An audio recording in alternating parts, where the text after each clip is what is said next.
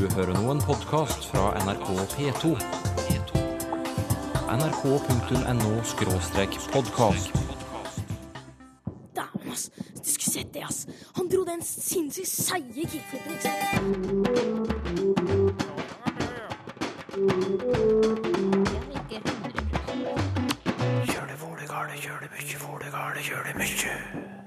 Alf Prøysen laget sitt eget skriftspråk av nynorsk, bokmål og dialekt. Han eh, var veldig usikker på hvordan dette ville bli tatt imot. Men så la han til i et brev at eh, men jeg synes sjøl jeg får sagt mest når jeg bruker det språket. Hvor mange dyreverb kan du? hara, krabba, elefanta, hesta, gasella, snigla. Og hvorfor kaller bergenserne småjenter for frøken Dings? F.eks. at frøken Dings bæsjet på potta i går. Kjem du hva jeg fortalte deg om i går? Det var om den første som jeg hadde å leke med. Kjem du hva det var? Var det et elektrisk tog? Eller var det en lekebil? Nei. Det var en slagbenk, ja.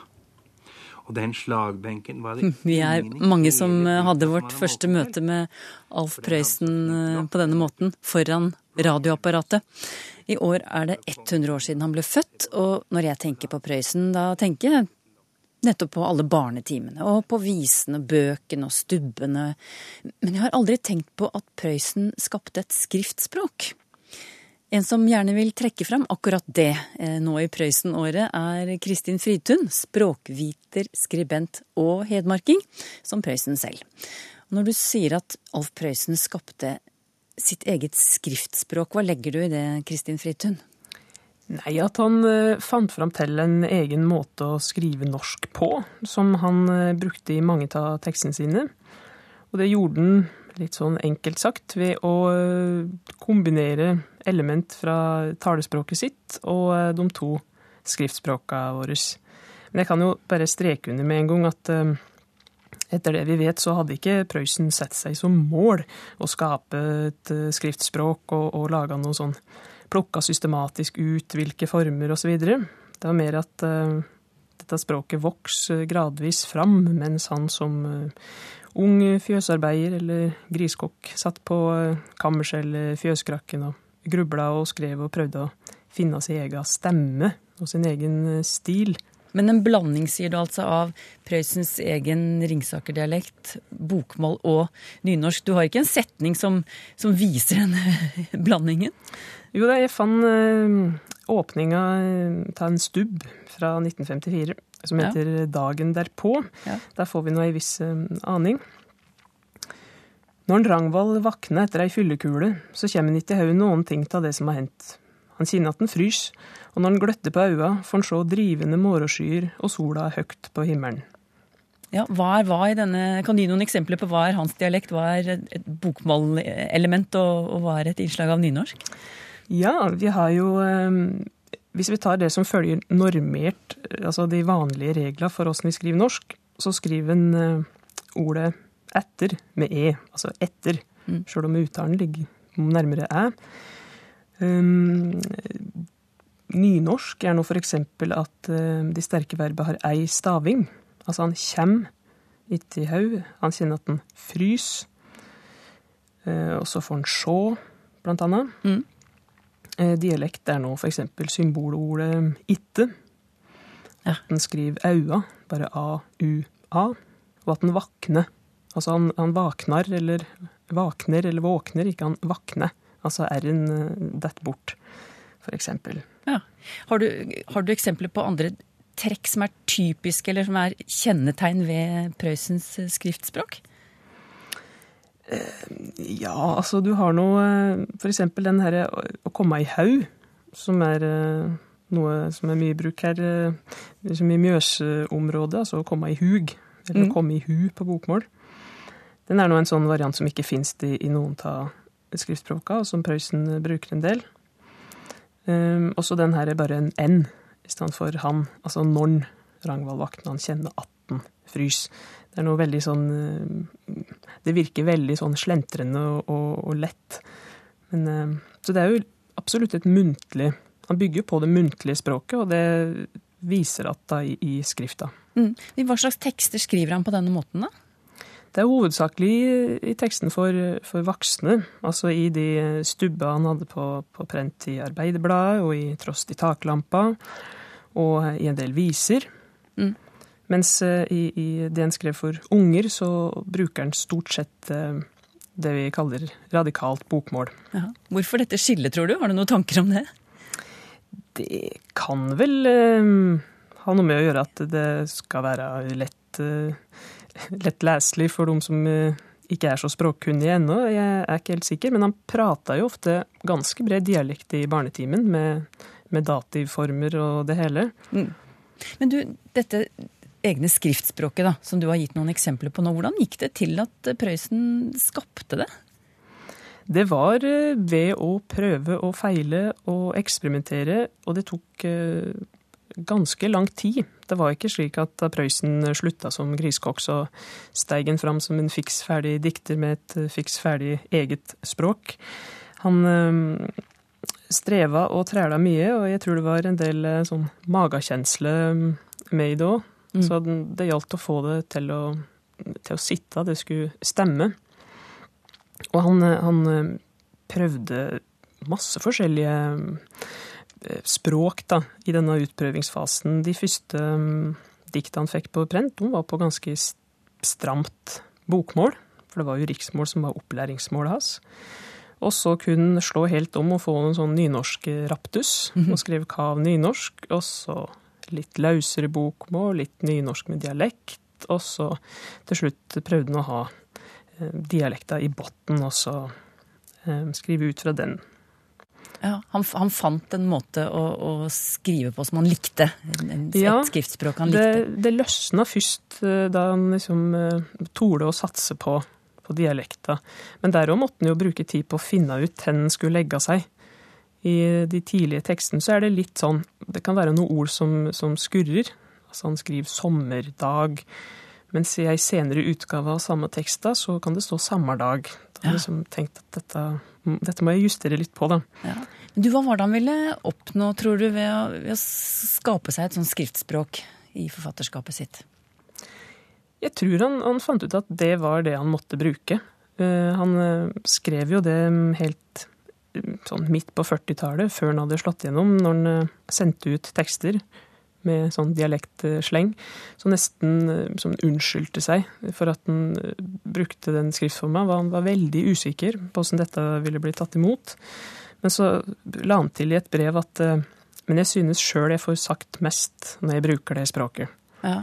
Men altså, unnskyld seg, han var jo ikke den eneste, han var jo ikke den første som brukte hedmark, hedmarksdialekten, og, og i ettertid så er det flere som har kommet etter også. Hvorfor, han, hvorfor måtte han unnskylde seg? Nei, eh, det er helt eh, sant som du sier at han hadde noen som, som gikk foran og, og pløyde lite grann. Blant annet Ingeborg Refling Hagen. Men eh, altså, han, han var veldig redd for at han måtte tilbake i fjøset, eller grisehuset. Han, han trivdes ikke med, med sånt praktisk arbeid. Og på denne tida så bodde han litt utafor Oslo og var litt sånn kunstnerbohem, ville leve av å skrive. Og prata sånn overforfina, hyperkorrekte riksmål. Var veldig redd for å som bli sikkert assosiert eller tatt for å være bonde. Og um, gjorde som veldig mange andre i denne her veldig dialektundertrykkende tida. Han, han slo om, men i, når han skrev, så, så måtte han ha dette språket. Og vi kan jo òg lure litt på om det eh, har en sammenheng med de emnene han skriver om. Det er jo eh, husmannsstuer og, og området rundt Mjøsa at eh, form og innhold hang sammen. Ja, hva er det han får fram spesielt godt da, syns du? Det som er veldig fint med Prøysen, var at han var utrolig god til å observere. Fange opp små og store detaljer, og blant annet åssen folk ordlegger seg. Og eh, det kunne være unger, husmannskjerringer, eh, altså storbønder osv. plukka opp og som de ola seg, og fikk fanga det. Han fikk det med over i, i skriftspråket. Han var eh, veldig opptatt av å ikke skille mellom Altså at folk i den dalen er slik, folk i den bygda er sånn. Det syns han ikke noe om. Men han eh, Gjennom ordvalg og språklige vendinger så, så var han veldig god til å skildre en del karakterer. Og blant annet da sinte mødre. Hmm. Og Hedmarksvarianten av Sinte mødre de har blant annet gitt stemme i stubben Frydefullt sinne, som i stor grad er et eneste langt utbrott fra ei sur mor.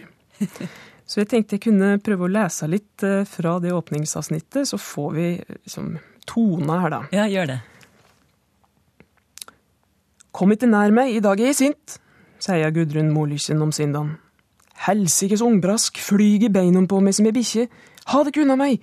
Tråka på gulvet som en nyvaske. Ha dere ut, har jeg sagt, tar de til ører. Skal jeg få en Johannes vegvokter til å komme og spa opp øra deres? Å ja, ja, ja, jeg hører, jeg hører, jeg kjem videre. Slik går det over flere sider. Et lite utdrag var det fra stubben Frydefullt sinne. Hedmarkingen Kristin Fridtun er språkviter og skribent, og i Prøysen-året 2014 har hun en fast spalte i avisen Dag og Tid, der hun skriver om Alf Prøysen og forfatterskapet hans. Og så er hun tilbake her i Språkteigen om en uke.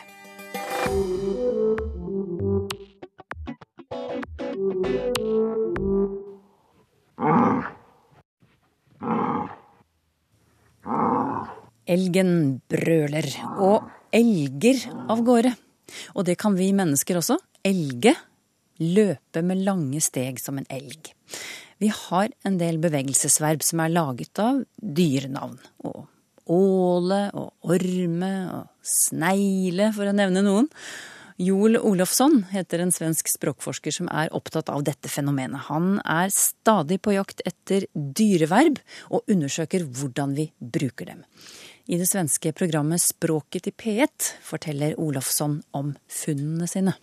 Hara, krabba, elefanta, hesta, gasella, snigla. Jeg fant noen som skulle da i vei til sin venn det var noen som skulle strutse i vei til Ica for å handle noe. Jeg fant krabba i vei.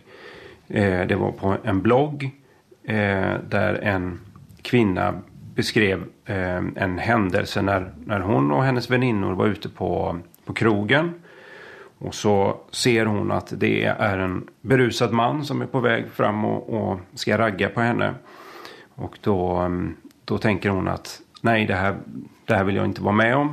Eh, och eh, så beskriver hon då på bloggen att ehm, eh, hoppas att jag hinner krabba iväg. Många av de här verben är ganska ovanliga. Det är inte så ofta man träffar på dem. Varför tror du att vi ändå verkar benägna att vilja göra rörelsevärv av djur? Alltså, grunden till det är att när vi pratar om rörelse på svenska så, så använder vi helst ett verb som beskriver rörelsesätt. Vi har springa, krypa, hoppa och så vidare. Ehm, och sen har vi då ihop med det en, en eh, riktningsmarkör, alltså ett riktningsadverb eller en prepositionsfras. Så om jeg jag säger hara iväg, mm. då fattar folk för att jag säger iväg? Ja, för att det är en kombination av verb plus iväg. Men varför tror du att um att folk just tar till sig djur för att beskriva en rörelse? Ja, alltså det är, det är ett målande sätt att, att beskriva rörelse. Um, jag tror att det är just de egenskaperna hos, hos djuren som, som gör det. Alltså att, att vässla iväg någonstans, det är inte samma sak som att älga iväg. Nej, att man, man, får en annan bild. Ja. Av. Djurverbens eh, utveckling och framtid. Kommer det här bli mer och mer etablerat? Eh, om man tänker sig då att att vi har haft eh, orma sedan slutet av 1700-talet. Eh, och sedan ålar då, eh, sedan slutet av 1800-talet. Och sen kommer älga som, som, som är etablerat eh, sedan sent 1900-tal. Eh, så skulle man ju kunna tänka sig att, att vi bygger på oss den här typen av, av verb som blir etablerade. Sen vet man ju aldrig med vad det är för typer av, av eh, ord som, som fäster. Det kan ju bara vara en sån enkel sak som att eh, en eh, programledare i tv börjar använda eh, krabba ganska mycket så kan det liksom sätta sig. Man vet aldrig. Vad, alltså man kan inte förutse vad, vad det är som kommer att hända. Det man kan konstatera är att, att vi ändå har någon slags kompetens för att kunna göra de här sakerna. Mm. sa Joel Olofsson, språkforsker ved Göteborgs universitet. Og han snakket med Emmy Rasper, som er programleder for Språket i P1. Men hva med deg, har du noen dyreverb som du liker å bruke for å beskrive bevegelse? Eller kanskje du har lyst til å foreslå noen nye dyreverb? Det er fritt fram. Send dem til Språkteigen. Jeg kvitterer med et krus eller en T-skjorte. Da må du skrive til Teigen, krøllalfa, nrk.no. Husk adresse og eventuelt størrelse. Hva er livet laget av? Er dette et av verdens viktigste spørsmål? Og hva skjer hvis du stiller det til folk du møter på din vei? Det skal to dansker finne ut av. Ann Frydendal og Per Dam har sagt opp jobbene sine, solgt alle eiendeler, og nå reiser de ut i verden med ti spørsmål i ryggsekken. Vi hadde besluttet oss at vi ville reise ut i verden, men vi ønsket ikke å reise som verken som øh, turister, som øh, skulle oppsøke de steder man skal se, eller, eller som egentlige oppdagelsesreisende. Vi vil mer øh, befinne oss i verden. Nei, de vil ikke være vanlige turister, men heller stille spørsmål om livet, om sorger, gleder, lykke. Reisens formål er blevet til å invitere til refleksjon. Gjennom det danske radioprogrammet Språklaboratoriet har Ann og Per fått hjelp av lytterne til å formulere gode spørsmål. Nå har de plukket ut ti av bidragene og kaller dem verdens viktigste spørsmål. Og ikke alle ti havner i sekkene. Noen skal festes utenpå, så de synes. Det kunne være litt sjovt å ha forskjellige spørsmål som man kunne sette på bagsiden av ryggsekken. og så kunne vi godt tenke oss å bli overhalet av noen som sier Hey, do you want answer on your questions? og så måske få noen gode samtaler. Hva er lykken for deg? Hva er kjærlighet? Hva er drømmen i livet ditt? Dette er noen av spørsmålene som skal gi Ann Frydendal og Per Dam gode samtaler når de reiser ut i verden. Hvis du vil lese mer om prosjektet, hvis du vil se de andre spørsmålene eller høre programmet, så kan du gå inn på Språkteigens Facebook-side. Eller søk det opp hos Danmarks Radio. Gjør det foregale, gjør det mye, foregale, så beveger vi oss ut i dialektriket, Tor Erik Gjenstad. Først til noe som kanskje er en bergensk spesialitet. Uttrykket frøken Dings. Det er Ingunn Halvorsen som observerer at mange bergensere kaller småjenter for frøken Dings. Og da er det kjærlig og litt ertete ment, skriver hun. Men hvorfor? Og er det bare på Vestlandet?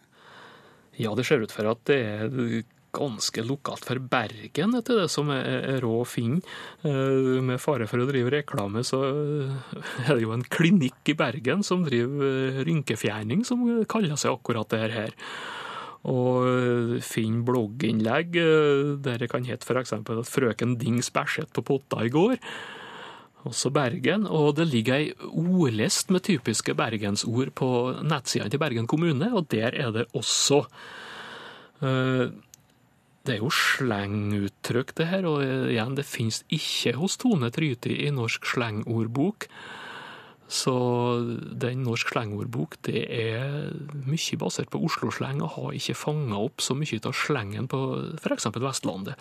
Og Her er nok et eksempel på det. Men hvorfor akkurat frøken Dings? Du har jo en del paralleller. Du har frøken Frekkesen om ei frekk ung dame. Og for å bli litt mer nær sagt intim kroppslig, så har du jo frøken Rød om menstruasjon. Så du har en slike uttrykk. Og en dings, det er jo en liten ting som gjerne henger og slenger. Er i slekt med å dingle. Eller det kan òg ha blanda seg inn tysk dings, altså genitiv av ding, som betyr ting. Så det er vel språkmaterialet du har her, men akkurat hvorfor de bruker frøken Dings, det er vel vanskelig å, å komme helt til bunns i. Idun Helle er fra Stavanger og forteller at venninnen, som også er siddis, hun bor i Oslo, og der reagerer folk på måten hun bruker ordet øyeblikk på. Jeg er øyeblikk ferdig, eller jeg leverer masteroppgaven øyeblikk. Vi bruker altså ordet øyeblikk på samme måte som snart, skriver Idun Helle. Og så spør hun om det er feil, eller om det er dialekt. ja, det er ikke godt å si. Eh, Det der var helt nytt for meg. Og, men jeg ser jo det at eh, det forekommer en del. Jeg begynte å se etter på nettet, og har jo etterlyst det både på Facebook og Twitter, og det kommer en del kommentarer. En matblogg her, så, så står det altså 'Er øyeblikk ferdig med julekake'? Og en annen blogger skriver at eh, kofferten er øyeblikk ferdig pakket. Så det, det er eh, reelt, det der uttrykksmåten eksisterer. Og det er kommet mange kommentarer. Det kan ha med dialektutvikling å gjøre, for eh, det ser ut til å konsentrere seg om eh, Rogaland, eh, så har jo Stavanger her, men flere plasser i Rogaland, også nordover Vestlandet og andre veien i Vest-Agder. Men det har òg dukka opp et eksempel fra så langt nord som Tromsø. Men eh, ikke fra Østlandet, og jeg ser det at eh, Tone Tryte i Norsk slengordbok har det ikke med. Så det ser ut for at det er noe som kan ha oppstått i vest, det her. Men det er jo vanskelig å si noe helt sikkert om geografi og dialekt oppi det her. Tone Myklebust eh, kommer med en nyanse i bruken. Hun sier det at eh, når en er ferdig øyeblikk, da har en litt igjen til en er ferdig med å nærme seg veldig, men når en er ferdig øyeblikkelig, da er det altså nå, da er det umiddelbart. Så det, det kan godt være at det er slik. Jeg tror at det her er sammenblanding av to mer vanlige konstruksjoner. Altså at en er ferdig øyeblikkelig, og så at en er da ferdig om et øyeblikk. Tror kanskje det er de to her som har kobla seg sammen på et vis. Mm. Men når Idun Helle da spør er dette feil eller er det dialekt, har du noe, kan du svare på det? Ja, Det ser noe ut for at det er såpass mye i bruk da, at uh, han må regne det som et dialekttrekk og som ei nyutvikling. Og det er jo litt interessant å se at uh, sånne ting kan utvikle seg også i vår tid. Slik at uh, det oppstår kanskje nye dialektgrenser for uh, nye fenomen. Så dialektene forandrer seg, men grensene ser på mange måter ut til å bestå. Hva i all verden kommer uttrykket 'nedlegge' av, spør Torunn Kristine Eriksen. Og så har hun et eksempel. Jeg kan ikke nedlegge at han gjorde det. Ja. Ja, å nedlegge det er jo i grunnen det samme som å, å legge ned, da.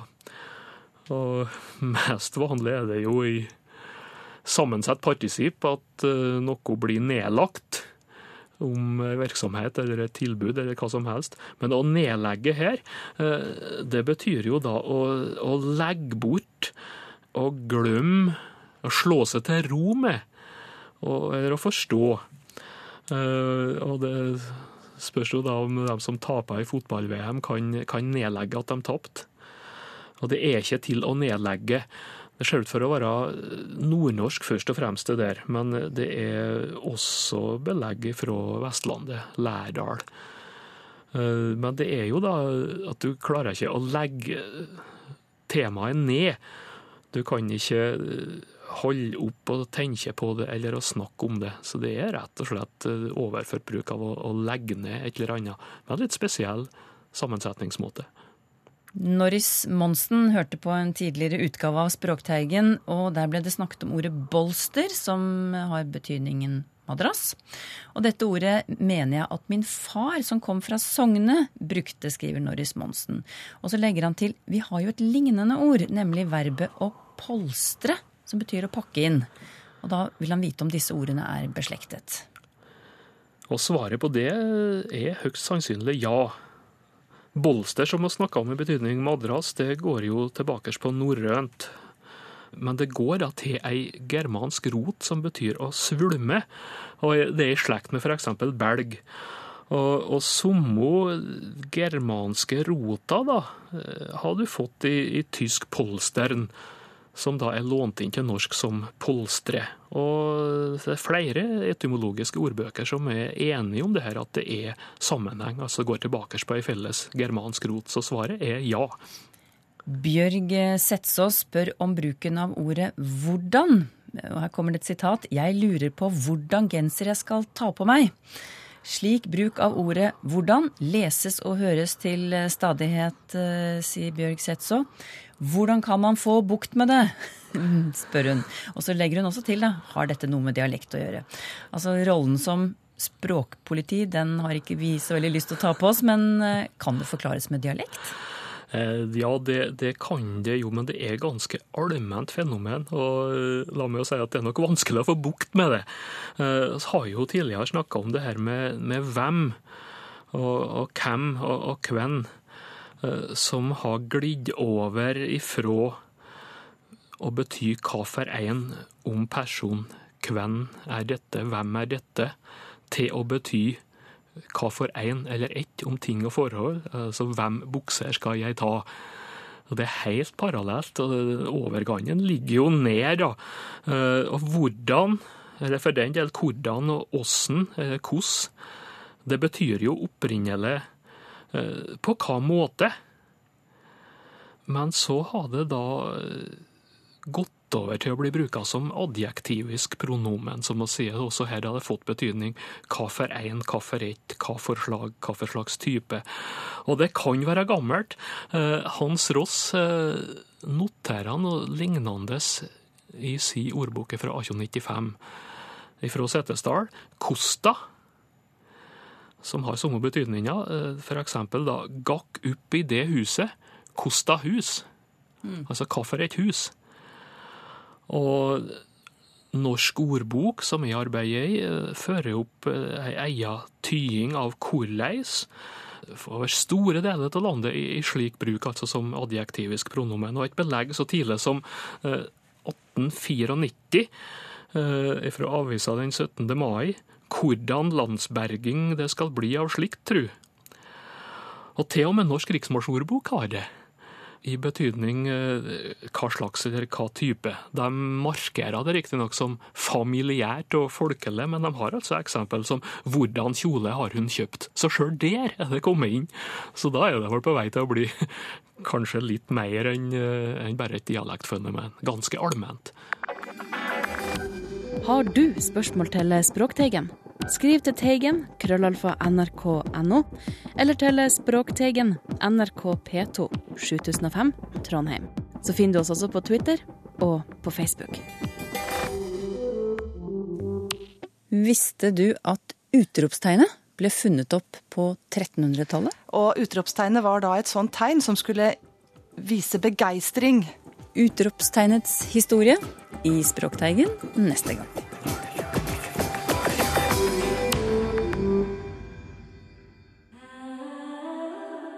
nrk.no podkast.